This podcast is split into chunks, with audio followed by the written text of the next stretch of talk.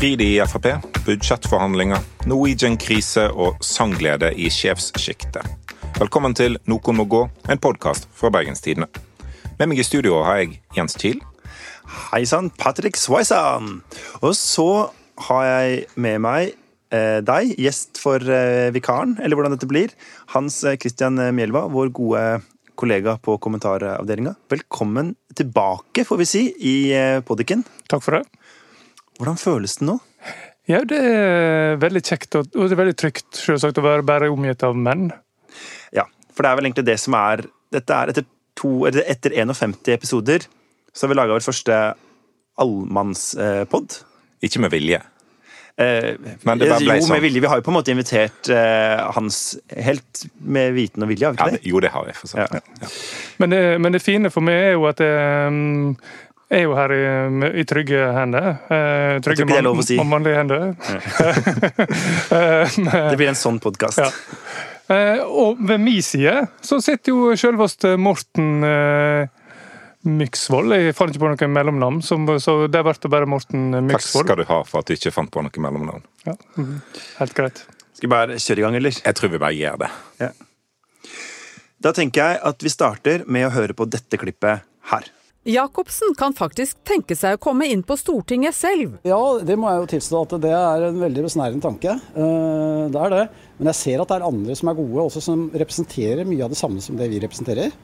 Eh, Og som går for flagg og fedreland, som vi jo har flagget så mange ganger at vi gjør. For det var Geir Ugland Jacobsen, som er leder i Oslo Frp, som eh, i et intervju hos TV 2 både forklarer at han ser for seg en at det kan godt bli en topp tre på deres stortingsliste med Christian Tybring-Gjedde, Carl I. Hagen og han selv. For at det er eh, tre gladgutter som er for flagg og fedreland. Eh, Vi andre er jo imot flagg og fedreland. Og nå er det altså et himla bråk i eh, Siv Jensens eget fylkeslag, hvor det plutselig kan se ut som om hun må kjempe for sin egen eh, førsteplass. Og i et fylke hvor det går så dårlig for Frp at på de verste målingene så får de bare inn én. Eh, I tillegg så har vi jo da flere lag som har foreslått inn Maria Sæler, som er reseptskribent. Så her går det virkelig for seg. Og Resett er da en ganske høyreradikal nettside. En, eh, en eh, blogg som blander sanne og usanne nyheter i skjønn forening, får vi si. Ja. Ja. Men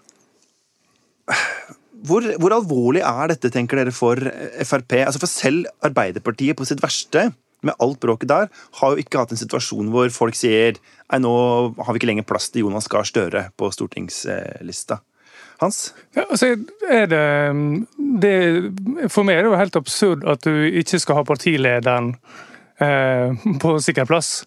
Eh, har det skjedd noen gang? Altså, kan vi, er det noe som kan komme på noen gang at en partileder har blitt vraka fra sikker plass? Men du vet at du er jo ikke alltid du sliter med at du har en partileder som ikke er for flagg og fedreland. Det er jo Nei, det som er det, er spesielle her.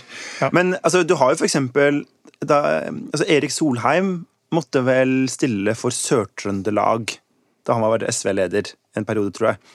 Altså, det er jo ikke alltid at de er sånn superpopulære. Men likevel, dette er ganske spektakulært. Ja, og det er jo klart at hvis, hvis Siv Jensen taper den nominasjonen der, så sier jo egentlig Oslo Frp at hun må gå av som partileder. Eh, Og det, det er jo det det ikke virker helt som Ugland Jacobsen forstår, da. At, eh, at det er ikke en isolert nominasjonsstrid i Oslo Frp, men det handler egentlig om hvem som skal være partileder. Eller i hvert fall om Siv Jensen skal, skal fortsatt være partileder. Eh, Og sitter en ikke på Stortinget i Norge, så er det vanskelig å se for seg at en skal, skal lede et, eh, et parti. Men er ikke, er ikke, det han, er ikke det litt av dette her handler om? nå? Altså En fløykamp i Frp? At, at de mener at Siv Jensen ikke representerer det Frp som de ønsker å ha? Jo, det er jo egentlig det. Altså, Siv Jensen tilhører jo en, en fløy som er veldig opptatt av å si at Frp er et grunnleggende liberalistisk eh, parti. Og vi får vel si det er vel kanskje den fløya du en gang i tida var medlem av, på en måte, Morten? Ja, den, den ja, moderate, liberale fløyen. Ja.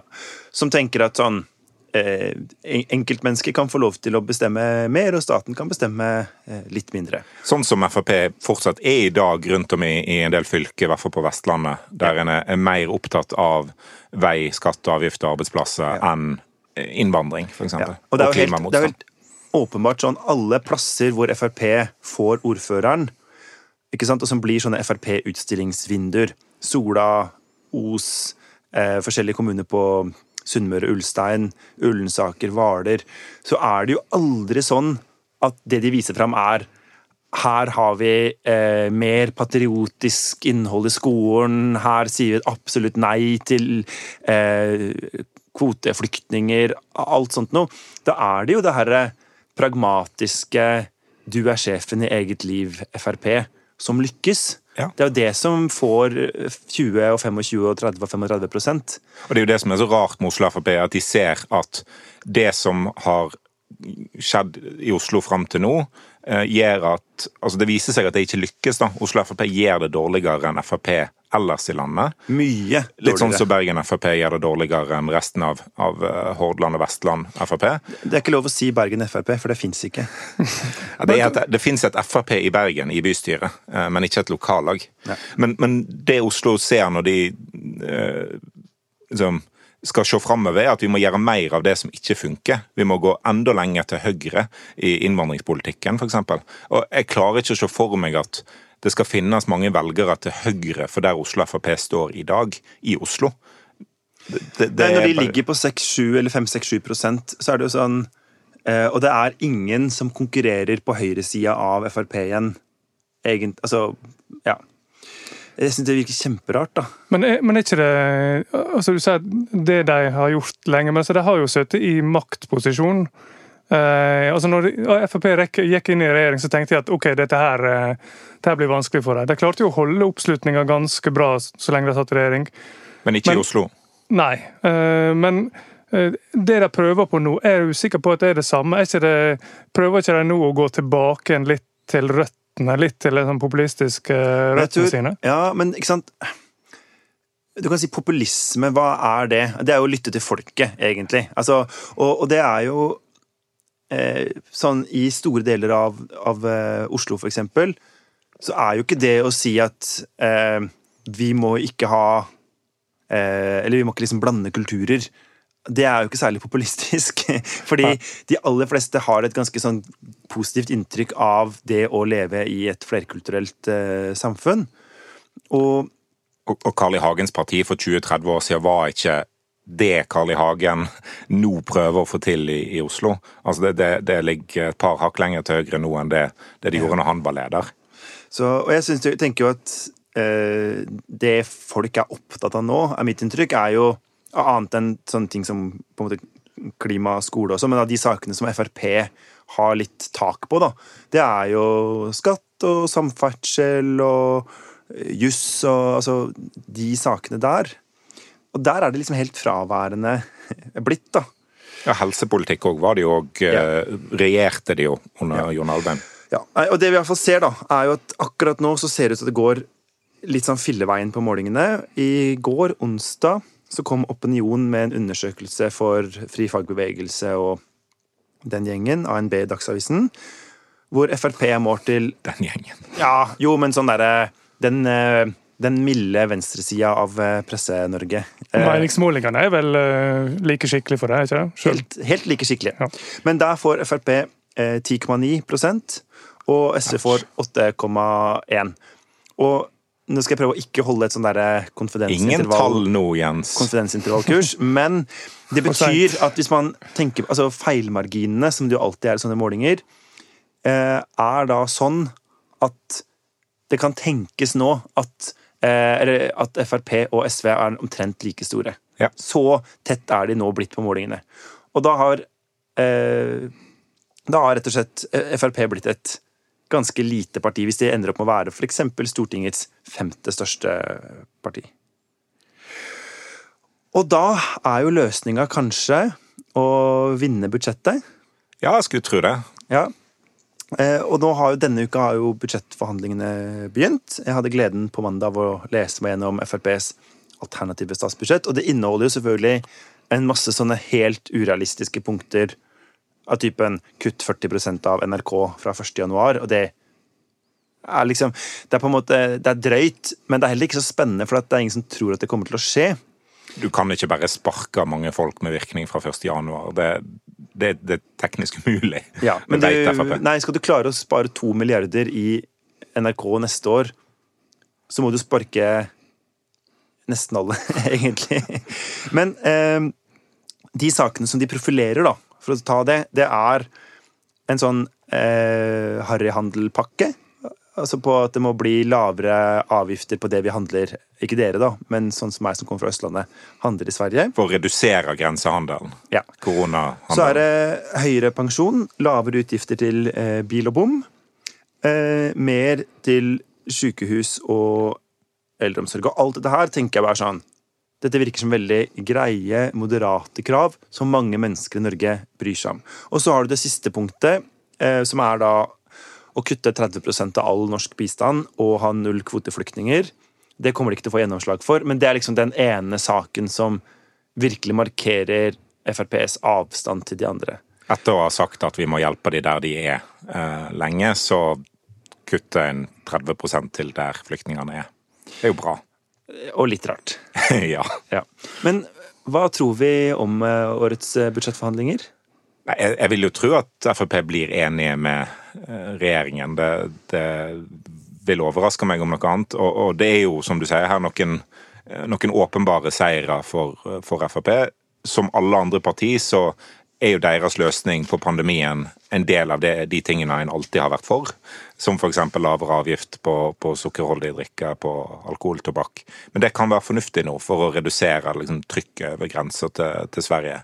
Um, og, det kan godt hende at det er fornuftig på, på lang sikt. Uh, Jeg tenker jo at sånn, sant, Veldig mange av de plassene som det nå hvor nå folk har kommet i jobb i dagligvarebutikker, det er jo eh, mindre samfunn langs svenskegrensa. Altså, og det er ikke bare på en måte Fredrikstad og Halden. Det er hele Hedmark, det er Inn-Trøndelag, eh, Ja. Nordland, Troms. Ikke sant? Og det er jo ofte folk med eh, lite formell utdannelse og i samfunn med ikke et uendelig antall av andre jobber. Og det å klare å eh, tenke ut en god løsning hvor de kan få lov til å fortsette å stå i de jobbene, er jo en Det må jo være et mål, da. Hans? Men, men, men grensehandelgreiene altså, Det de ikke vil få gjort noe særlig med så lenge KrF sitter, er jo alkoholavgiftene, sannsynligvis. Ja. Um, og kjøtt og landbruksvarer får de heller ikke gjort noe med. Det har de vel ikke foreslått heller. Uh, fordi at det der er det jo ehm, Det er egentlig rart at det ikke er foreslått, men eh, det, der skal jo norsk landbruk opprettholdes. så Det er fordi de ikke har deg med på laget. ja, og det angrer de helt sikkert veldig på. Ja. Men, eh, men Det er vel egentlig bare det- sunnmøringer allerede i Frp, så de orka vel ikke en til. Uh, nei, altså Ja. Hmm. Uh. Eh, Hva var det du skulle si, min lille venn? Eh, Det, det jeg skulle si, min veldig store venn, er at hva er da igjen? Altså, for du er jo en aktiv grensehandler eh, av, av gammelt av. Så det at det blir billigere sjokolade, er det nok til å dra folk eh, Hindre folk i å La oss si da at de ikke får eh, noe på alkohol. Eller omtrent ikke noe på alkohol. Men at de får store kutt i alt som går på sukker. Eh, Og sukkerfrie produkt. Ja, altså. Som i dag også får en del sånn sukkeravgifter og bla, bla, bla. Men at eh, I dag så er det jo sånn Folk fyller jo bagasjerommet med eh, brett med brus. Ikke sant? Sånn brusbokser. Du skal jo skal drikke utrolig mye brus for å kunne forsvare nordmenn. en Det gjør nordmenn. Det gjør vi. Og så er det jo et eller annet med at eh, du må, det er en, en ting jeg, som jeg tror du kanskje bør kunne sette deg inn i, på et eller annet vis, det er altså, gleden over altså, Hvor koselig det er å bare kjøre seg en tur over grensa. Jo, men Eh, kjøre bil syns jeg er gøy. Ja, ikke sant? Sånn at det handler for så veldig mange om å spare de pengene, men det handler også om dra dit, kose seg, eh, kjøpe de her litt sånn En del litt sånne luksusvarer. Og så har du jo mange som har reelt dårlig råd og, og selvfølgelig planlegger innkjøpene ut fra at de sparer penger. Men det er liksom litt begge deler. Men det som er fascinerende med liksom, den grensepolitikken her og, og harryhandel og sånt, er jo at det er jo Frp som anerkjenner at grensa til Sverige er veldig åpen. Eh, mens andre parti eh, prøver å, å ha liksom, store prisforskjeller mellom Norge og Sverige, så innser Frp egentlig at den grensa er åpen. Ja. Den grensa er det handel over. Og det er fornuftig å, å tilpasse norsk avgiftssystemet til at den grensehandelen ikke blir altfor stor. Ja. Men det, det, skjønner jeg jo. Men det som, altså gleden av å reise, den vil jo da fortsatt være der. Så det at du reduserer sukkeravgiftene vil det ha noen slags innvirkning på grensehandelen i hele tatt? Du vil jo kanskje redusere følelsen av å ha gjort et kupp. Det er jo Noe av det som må være gøy med å reise til Sverige for å handle, er jo å stå der i butikken og tenke ha, dette får jeg billigere enn hjemme. Og hvis du får det, den følelsen på færre varer, så er det ikke sikkert at det er så givende Men har du, å, å kjøre Har du aldri vært på grensehandel? Jo, jeg har jo vært over grensa der, men det er jo, det er jo noen mil ifra Myksvold til Strømstad. Så Det er jo ikke sånn at det er en fredags ettermiddag. Nei, nei, men, bare... men har, liksom, Hva med deg, Hans? Altså, Jeg har handla inne her eh, på et forferdelig digre kjøpesenteret Nordby. Nordby ja. Åh, elsker det. Det var eh, triste greier, men, eh, ja. nei, For meg er det liksom eh, Ja, nei, det er virkelig en sånn eh, fin ting som man gjør sammen.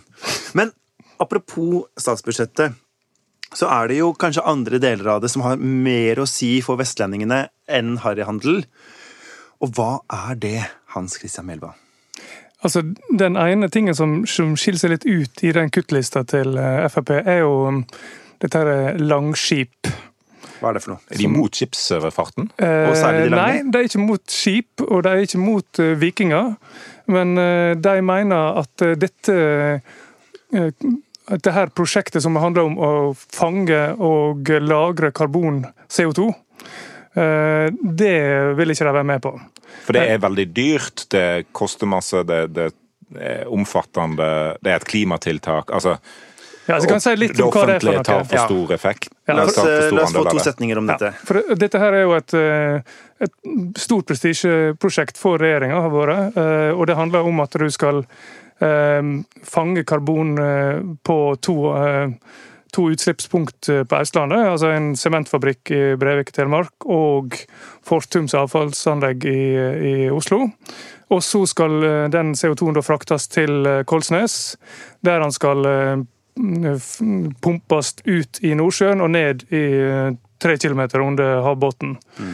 Og lagres. Og det, dette, her er jo, dette her er jo et det viktige med dette er å utvikle teknologien, sant? få karbonfangsten billigere, og få et lager. og Det lageret skal jo være et lager for hele Europa.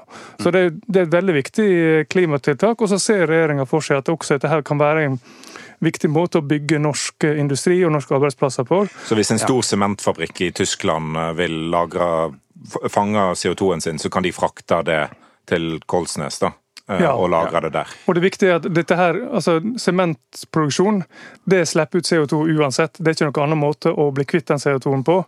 Eh, du kan, Det blir eksperimentert med å lage utslippsfri sement, men sånn som det er nå, så er det eneste måten å bli kvitt på, det er å fange det og lagre det. Er dette egentlig på en måte det samme som denne månelandinga oppe på Mongstad i Storradøy kommune?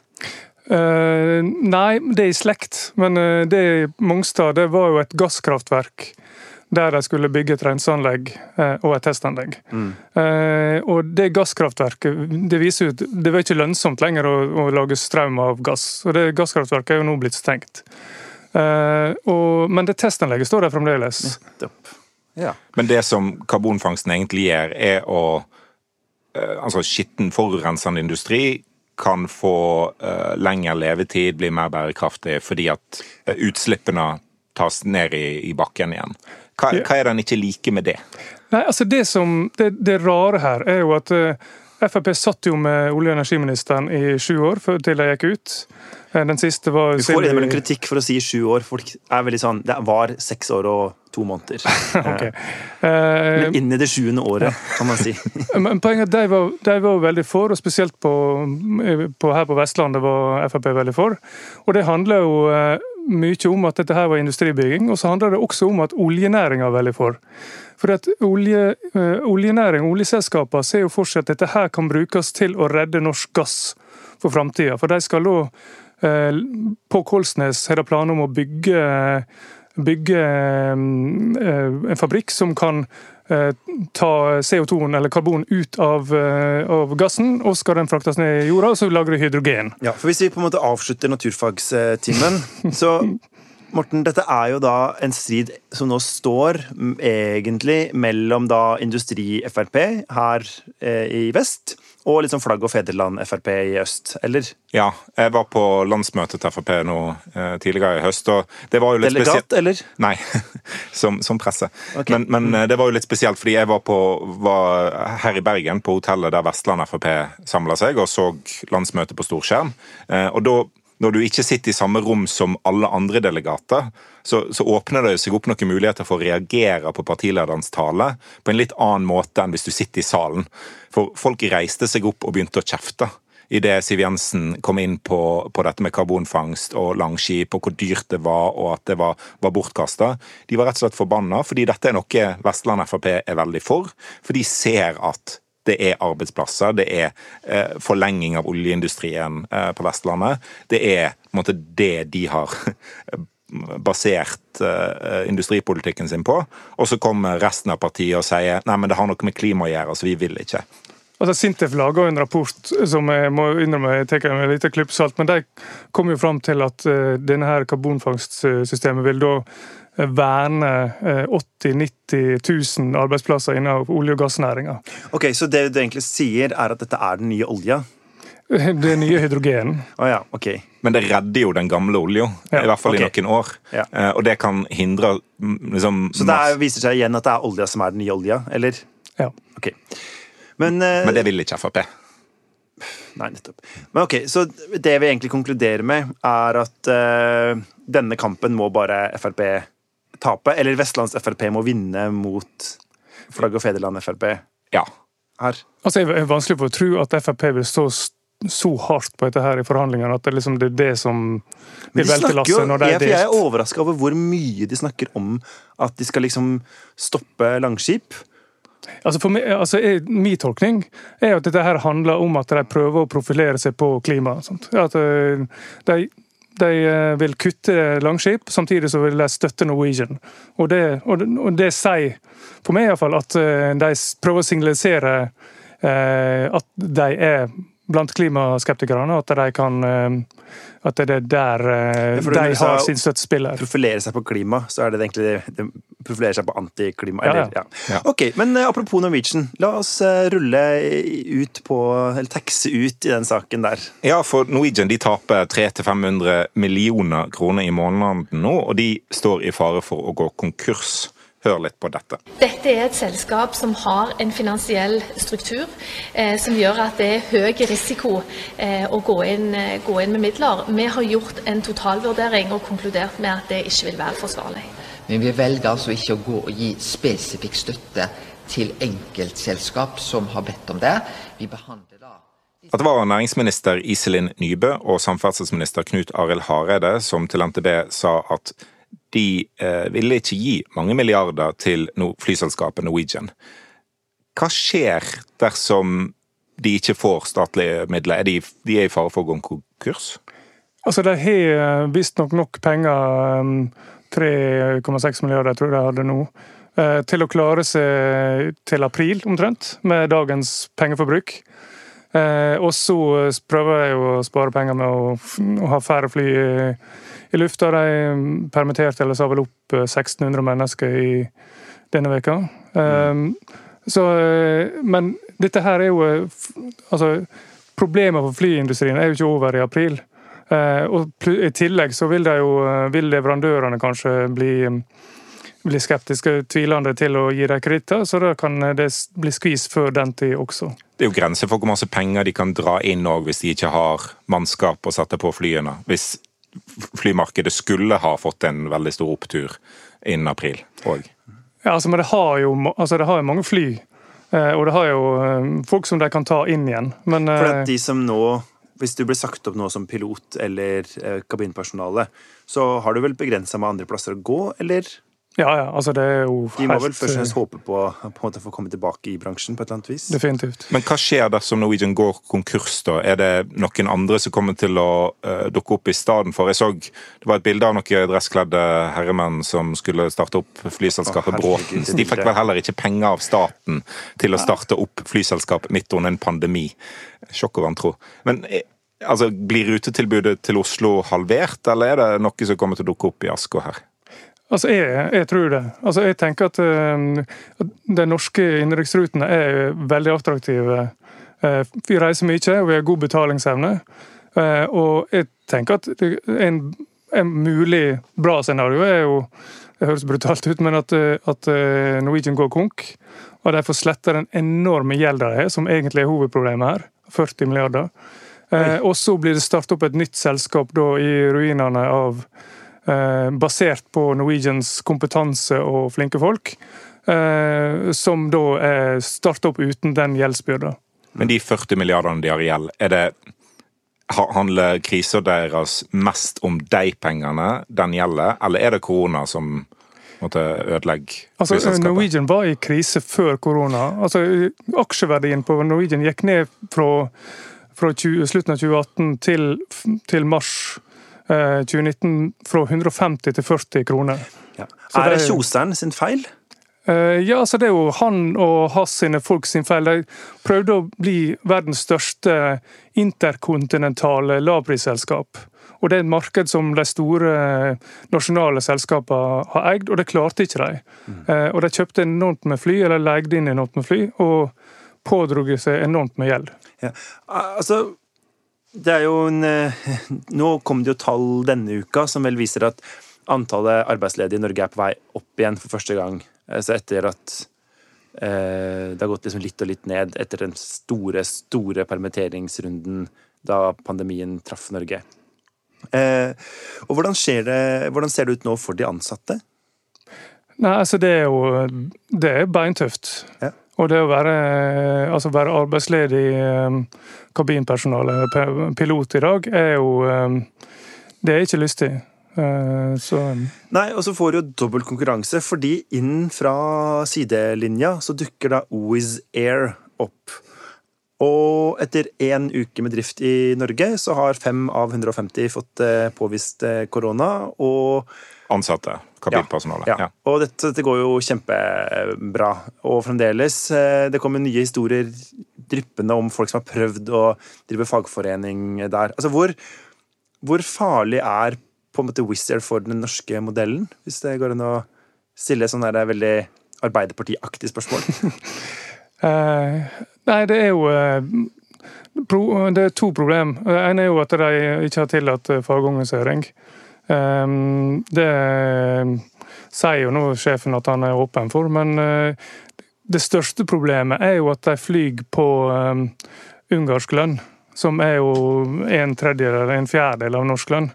Altså en styrmann på, på, eh, på Wizz Air har ifølge Fri fagbevegelse, som har fått tak i noen kontrakter, 12 000 kroner i måneden. Det betyr at du har under 150 000 i året i årslønn. Og det er klart, det er det veldig vanskelig for eh, norske eller skandinaviske selskap å konkurrere med. Så der ligger er problemet. veldig, altså, det er jo på en måte ekstremt Altså, de kan ikke ha norske ansatte, i hvert fall, som skal leve livene sine i Norge med, med den lønna. Nei, og det er det som er Det, det var jo en sånn potensiell utvikling her, for flyfarten er jo internasjonal. Eh, Så den er vanskelig å regulere. Det er, mm, så her ligger den store utfordringa. Og Norwegian har jo tidligere prøvd seg med eh, i sin internasjonale satsing med å flagge ut til Irland og kjøre rute også i Norge med med, med, med mannskap med, med lavere lønn. Eh, Det har vært vel stoppa, men eh, det De er har, jo de har jo en del utflagga aktivitet allerede, som Ja. de nå sier de er villige til å ta tilbake til Norge Ja. hvis de får støtte av staten. Som er en fascinerende strategi. Først ta arbeidsplassene ut av landet, og så, hvis det blir krise, så kan de kjøpes hjem igjen. Hipp hurra. Skal vi rett og slett eh, hoppe videre til andre gode nyheter? Fordi i vår faste spalte og Amerika, eh, som jeg hadde tenkt vi skulle på en måte legge ned etter valget, så ja Jeg vet ikke, Blir det borgerkrig, eh, Morten? Hvordan går det der borte over dammen? Det går jo overraskende bra, egentlig, til tross for at presidenten ikke anerkjenner liksom, frie demokratiske valg og sånt. Det er jo en liten detalj oppi det hele. Eh, men ja, valget er over ei uke gammelt. Eh, det tok jo selvfølgelig noen dager før en hadde et Visste akkurat hvordan det, det kom til å, å ende. Det var vel lørdag ettermiddag at Biden ble erklært som valgvinner, ifølge Associated Press. Så det, det, tok jo litt, litt tid, men det, det som er situasjonen nå, er at Trump nekter å anerkjenne dette valget. Det sa jo han egentlig på forhånd at han kom til å gjøre. Han sa at den eneste måten Biden kom til å vinne valget på, var ved å jukse, og nå anklager de demokratene for å ha juksa. Men republikanerne er veldig sånn uprinsipielle, hvem skulle ha trodd. Fordi jeg syns at valget i North Carolina gikk kjempebra. Der kunne en telle seint ankomne poststemmer fram til i dag, torsdag. Republikanerne vant den staten. I Georgia, Pennsylvania, så har det vært fullstendig katastrofehåndtering av valget. For der tapte tilfeldigvis republikanerne. Eh. Altså, ja, Hans? Men, men, eh, men, hva er det altså, En ting er at Trump uh, oppfører seg rart her, men uh, det jeg er mer overraska, er jo at det republikanske partiet som står sånn last og blast med den. Hvorfor gjør de det? Altså, Republikanerne gjorde et ganske godt valg i Kongressen. Eh, og Trump fikk òg langt flere stemmer eh, nå enn forrige gang. Så det har liksom ikke, de fire årene med Trump har liksom ikke vært en kollaps for det republikanske partiet. Da er det nok mange republikanere som ikke tør å distansere seg fra eh, Trump av frykt for at deres framtid i partiet blir ødelagt. Men har det vært på en måte en en, eh, altså, det har jo vært en ikke-kollaps på målingene og i valg, men det har jo på en måte vært en politisk kollaps, eller en demokratisk kollaps. Altså, når, når de har et uh, landsmøte hvor de for første gang blir bedt om å ikke, ikke vedta politikk, men bare vedta støtte til liksom, presidentens eh, Visjon. Visjon, ja. Altså Det må jo føles litt kjipt, det òg? Ja, det er, et, det er, jo ikke et, parti lenger, det er en kult. Og det å bryte opp en kult, kult. tar uh, tid. Uh, og det en del republikanere sier nå, er jo at en må gi, gi Trump tid. Det, det, er sårende og trist og leit å tape det var ikke akkurat det eh, som dominerte da når republikanerne vant over Clinton i, i, eh, i 2016. Da var det skadefryd. Da var det skadefryd i alle kanaler. Så det er noe med republikanere som eh, er veldig hovne når de eh, vinner, og veldig såra når de taper. De, de, er veldig for demokrati de plassene der de eh, Men nå vinner. driver jo Trump og setter inn sine altså altså Nå har han gått ned i den berlinske bunkersen sin og setter inn sine folk på alle mulige plasser. Og hadde, Vi trodde jo før Jeg tenkte sånn Det var jo hans folk overalt, men nå er det på en måte hans, hans folk overalt. Og ikke hans Mjelba, men hans, altså Trump sine folk. Og, hva er, det så, det han driver og planlegger nå? Han har jo ikke så lang tid igjen før han skal ut. Nei, det er rykte om at Trump vil prøve å trekke alle amerikanske soldater ut av Afghanistan f.eks. før Biden overtar, eh, som vil være en ganske radikal eh, endring. Eh, men det er nok òg liksom prøve å få folk ut og sparke folk før de må gå av eh, pga. Et, et maktskifte. Så det er nok litt sånn personlig, eh, personlig oppgjør her. Det som er, er viktig å, å, ha med seg, er at det er liksom det sivile ledere i eh, Pentagon som nå blir sparka. Det er foreløpig ingen av de militære lederne som har blitt sparka. Så det, det disse endringene egentlig tyder på, er at den sivile kontrollen over militæret er svekka. Fordi de som kommer inn, er mindre kompetente enn de som blir eh, sparka ut. For, for en mer paranoid av oss vil du kanskje tenke at eh, han prøver å få kontroll over militæret her, slik at han kan forberede et eh, kupp? Altså, Hvis en skal snakke om kupp så skjer det i, i rettssalene i USA, eh, der han kan få gjennomslag for ulike søksmål, men i, i, Pennsylvania i går uh, onsdag så ble Trumps advokat utfordra på om han trodde det var valgjuks, i en sak som omhandla klage om valgjuks i Pennsylvania. og Advokaten sa nei, har ikke sett bevis på det. Men de går likevel til sak. Altså Dette er jo advokater som burde ha mista bevilgningen sin når de går til sånne søksmål. så det er nok der et, et såkalt kupp i så tilfelle kommer til å skje, eller at en presser republikanere til å utnevne valgmenn sjøl, og ikke la velgernes dom stå, sånn at republikanerne fortsatt kan, kan sitte i Det hvite huset. hus. ja, Overta militæret, det, det skjer ikke. nei. Men er det, er det mulig? Altså At de kan utnevne valgmenn som ikke så, så systemet hindrer ikke det, altså? Det er mulig, men det er veldig, veldig lite realistisk. Et siste spørsmål her. eh, Og det her er sikkert sånn som du irriterer deg over at jeg spør om, uh, Myx. Men eh, det er, jeg leser alt du skriver, og så husker jeg ikke alt likevel. Uh, er det altså, det, altså Kongressen. Ja. To kammer. Senatet og Representantenes hus. Tusen takk. Et Dette Et over- og underhus. det er kjempe, nå er du kjempeflink. Eh, hvor det først lå an til at det kunne republikanerne vinne, og nå kanskje ditt altså, Hvordan er dette her? Nei, altså Representantenes hus, Underhuset, der vinner demokratene. De har tapt noen seter. Det er litt sånn opprør internt eh, der, for de har gjort det dårligere enn forventa, men demokratene kommer til å ha flertall i Representantenes hus. Eh, I Senatet, så på målingene så det bra ut for demokratene før valget, at de kunne få flertall der. Nå har på de valgene som er erklært, så har replikanerne 50 senatorer. Og det er to valg som gjenstår uh, i Georgia, for der skal det noen omvalg til. Uh, så der kan en ende opp med at republikanerne sitter med 52 senatorer, i, i beste fall for de. Uh, og da har en en, en, splitta, en splitta kongress som gjør det vanskeligere for Biden å få gjennom politikken sin. Men kan, kan demokratene vinne begge de to som det nå er tvil om? De kan jo det. Det var jevnt i begge senatvalgene i, i Georgia. Og det er jo mulig at Trumps eh, angrep på velgerne i Georgia egentlig fører til at en del velgere der blir forbanna og, og vil stemme på demokratene i senatvalget. Men det kan òg være at alle kjendisene som nå skal eh, snakke til Georgia og fortelle dem hvor viktig de er for nasjonens framtid og sånn, gjør at folk går tilbake til liksom, status quo, blir forbanna på eh, elitene i Washington DC og Los Angeles som forteller dem hvordan de skal stemme, og så er det noen som demokrater som blir hjemme, og republikanerne vinner begge to. For en forklaring på republikanernes støtte til Trump jeg har sett, er jo at eh, det er nettopp det valget i Georgia. At de er avhengig av å kunne mobilisere velgerbasen til Trump for å kunne vinne det senatsvalget. Hva tenker du om den teorien? Jo, det kan ha noe for seg, men det, det kan jo slå feil ut òg hvis, eh, hvis budskapet er at valget i Georgia er fullt av juks. Hva er da insentivet for å gå og stemme, hvis en tror at valget blir tatt fra deg igjen av, av demokratene gjennom, gjennom juks? Så det kan jo føre til at, at folk blir demotivert òg, på republikansk side. Ok, siste spørsmål.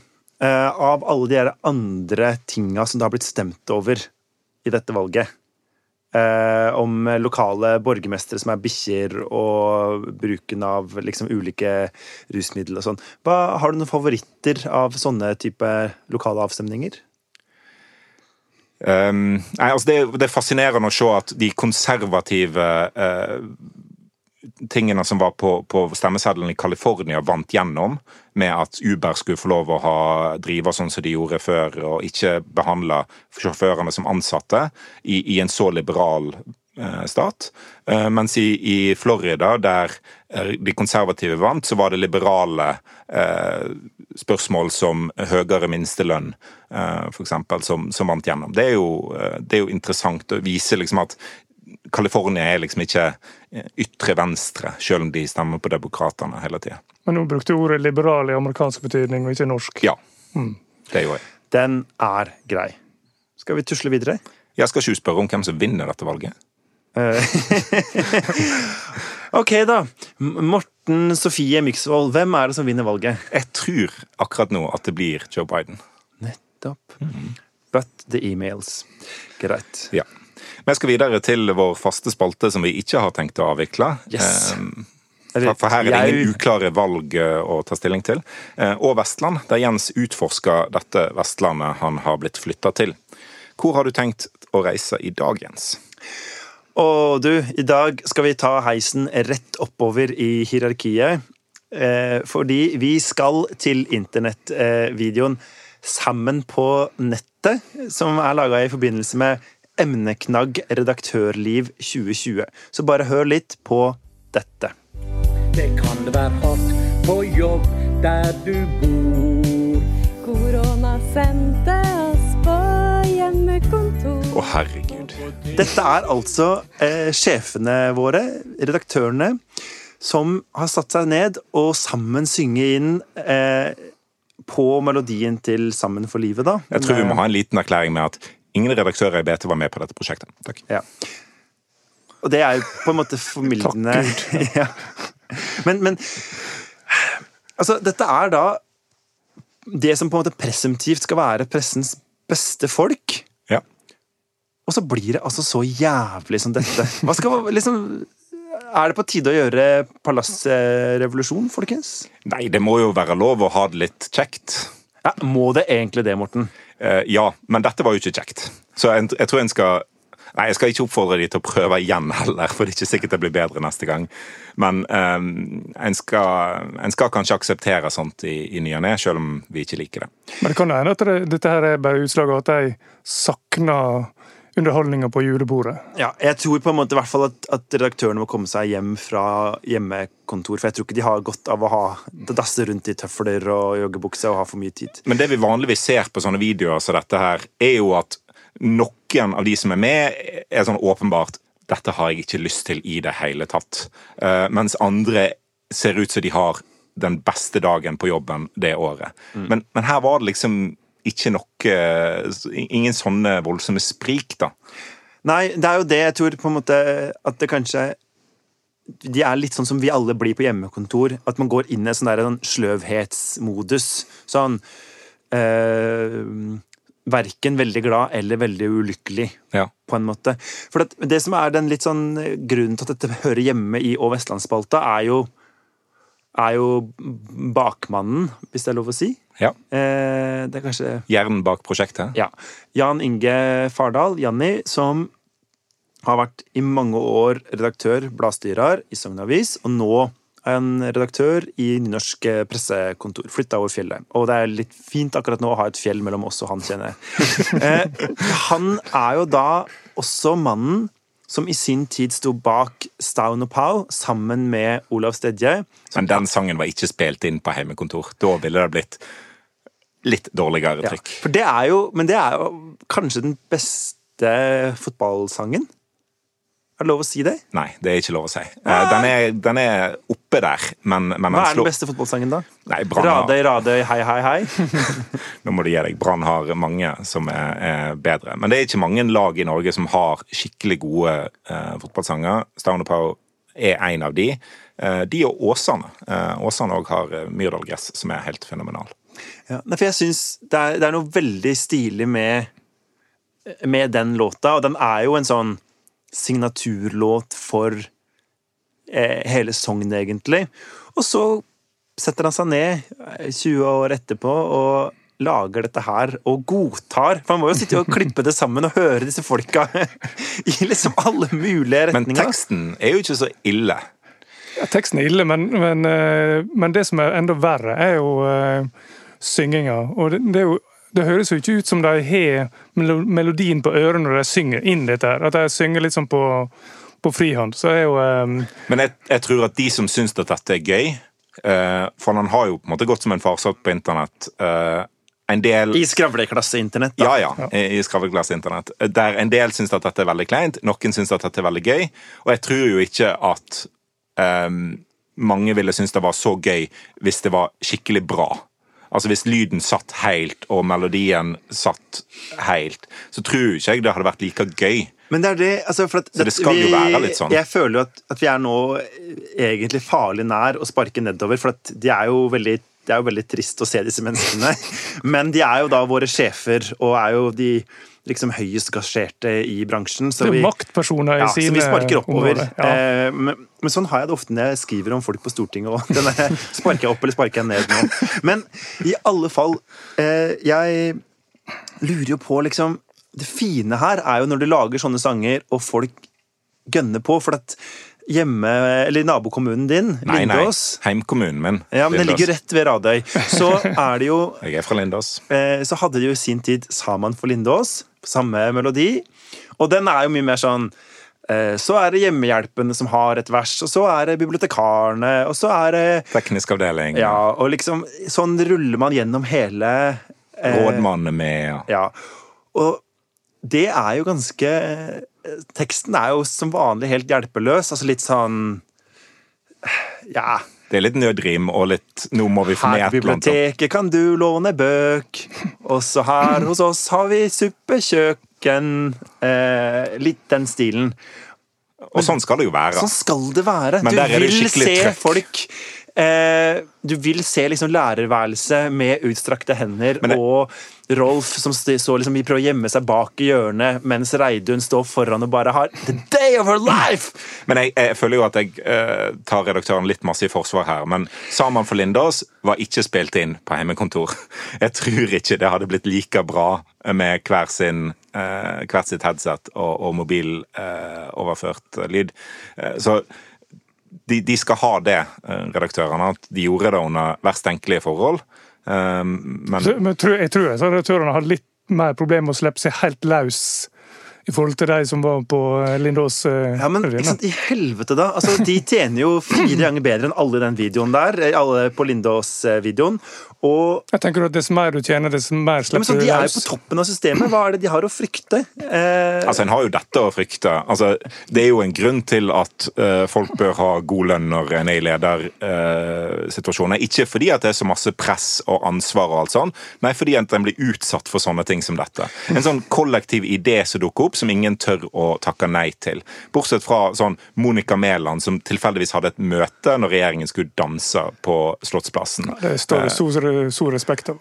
Og det var nok mange Monica Mæland blant redaktørene her. For det var en del som brøt ut, eh, og ikke, ikke var med, selvfølgelig. Ja. Nei, men Det er jo ingen fra BT altså med, og det er kanskje like greit. Eh, Vi hadde en sånn gullparaply-utdeling før, eh, før koronaen, der det var en standup-komiker som skulle prøve å få liksom, journalistene i salen med på ting. Og skulle reise seg og klappe og sånt. og det var veldig masse eh, folk som satt rundt bordene og så ned i gulvet. da, fordi at vi skal ikke være med på for jeg Altså, for- for, vi, vi som har vært på julebord til Bergens Tidende, vet jo hvordan dette her er. Altså, Journalistene står i ei krå og er sur. De på marked og, og kommersielt, de er kjempeglade og i form. For jeg er jo, jeg er jo livsentusiasten her, ikke sant? Jeg elsker jo når det skjer noe gøy, men jeg merker jo sånn ja, Sånn sett kanskje jeg egner meg bedre som redaktør enn eh, dere gjør. da. Fordi jeg er villig til å eh, være han idioten på video. Ja, jeg tror jeg ville vært villig til å betale ei sluttpakke for å slippe å være med. Ja, En sluttpakke. Nei, det er ikke lov å si. Er ikke det lov å si? Nei. Ok, greit. Da fikk vi avklart eh, det òg. Ja. Før vi avslutter i dag, hvem er det som må gå Ja, det er jo veka? hele redaktørsjiktet og Donald Trump. Det er de to gruppene. Ja. Eh, Det er det verste vi har å by på i Norge akkurat nå. Det var ganske mange. Eh, Ja, Donald er jo bare én, da. Ja, ja. Ja, jeg er gjerne. Oi, dette er, nå er det en god teori. konspirasjonsteori på slutten her. Ja. Ok, Innspill og tilbakemeldinger sendes til Nokon Noen må gå? Nei, til, eh, til NMG. Kan ikke du bare skjerpe deg? Jeg Nå har har vært på ferie denne uka her. Det er ikke, det er ikke lett. Og så har jeg denne sangen oppi vært hodet på storbyferie i Bergen. Åh, innspill og tilbakemeldinger sendes til nmg-bt.no eller i Facebook-gruppa Noen må gå. Vi kommer med en ny episode hver torsdag. Intromusikk var bergensere av Bjørn Torske. Produsent er Henrik Svanevik. Du finner denne podkasten i BT-appen, eller hvor enn du ellers laster ned podkaster på internett. Ha det bra. Og takk til Hans eh, som var gjest. Ja, det var veldig kjekt. Ha det bra. Ha det bra. Det kan være hardt på jobb der du bor. Korona sendte oss på hjemmekontor. Og på TV-bildet der står høye fin. Med bønn om hjelp, med bønn om hjelp. Med bønn om hjelp med meteren. Og i land etter land er det stengt. Vi pøser på med sprit, det er veldig strengt. På Teams vi møtes, det er slik det er. Husk nå på å mute. Husk nå på å mute.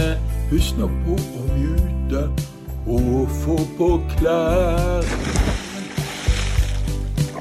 Vi sitter her sammen på nettet. Sånn må det være når viruset gror. Og hvis vi ikke går helt fra vettet, så blir det nyheter fra der vi bor. I karantene og isolat. Vi publiserer i ett, vi er heilt parat. Men skal du ut og kjøpe deg litt mat? Husk nå på å sprite. Husk nå på å sprite. For uten sprit så går det riktig galt. Barna maser, vil ha oss med. Om vi skal klare å kjempe covid ned. Bak store munnbind tenker vi som så. Kan denne krigen nytte, denne krigen nytte? Det er jo det vi alle håper på. Vi sitter her sammen på nettet. Sånn må det være når viruset gror. Og hvis vi ikke går helt fra vettet, så blir det nyheter fra der vi bor.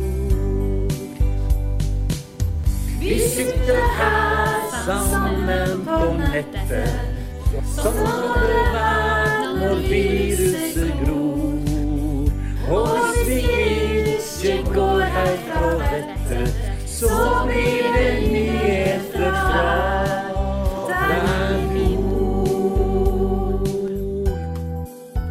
Hei, Gard, kan du mute?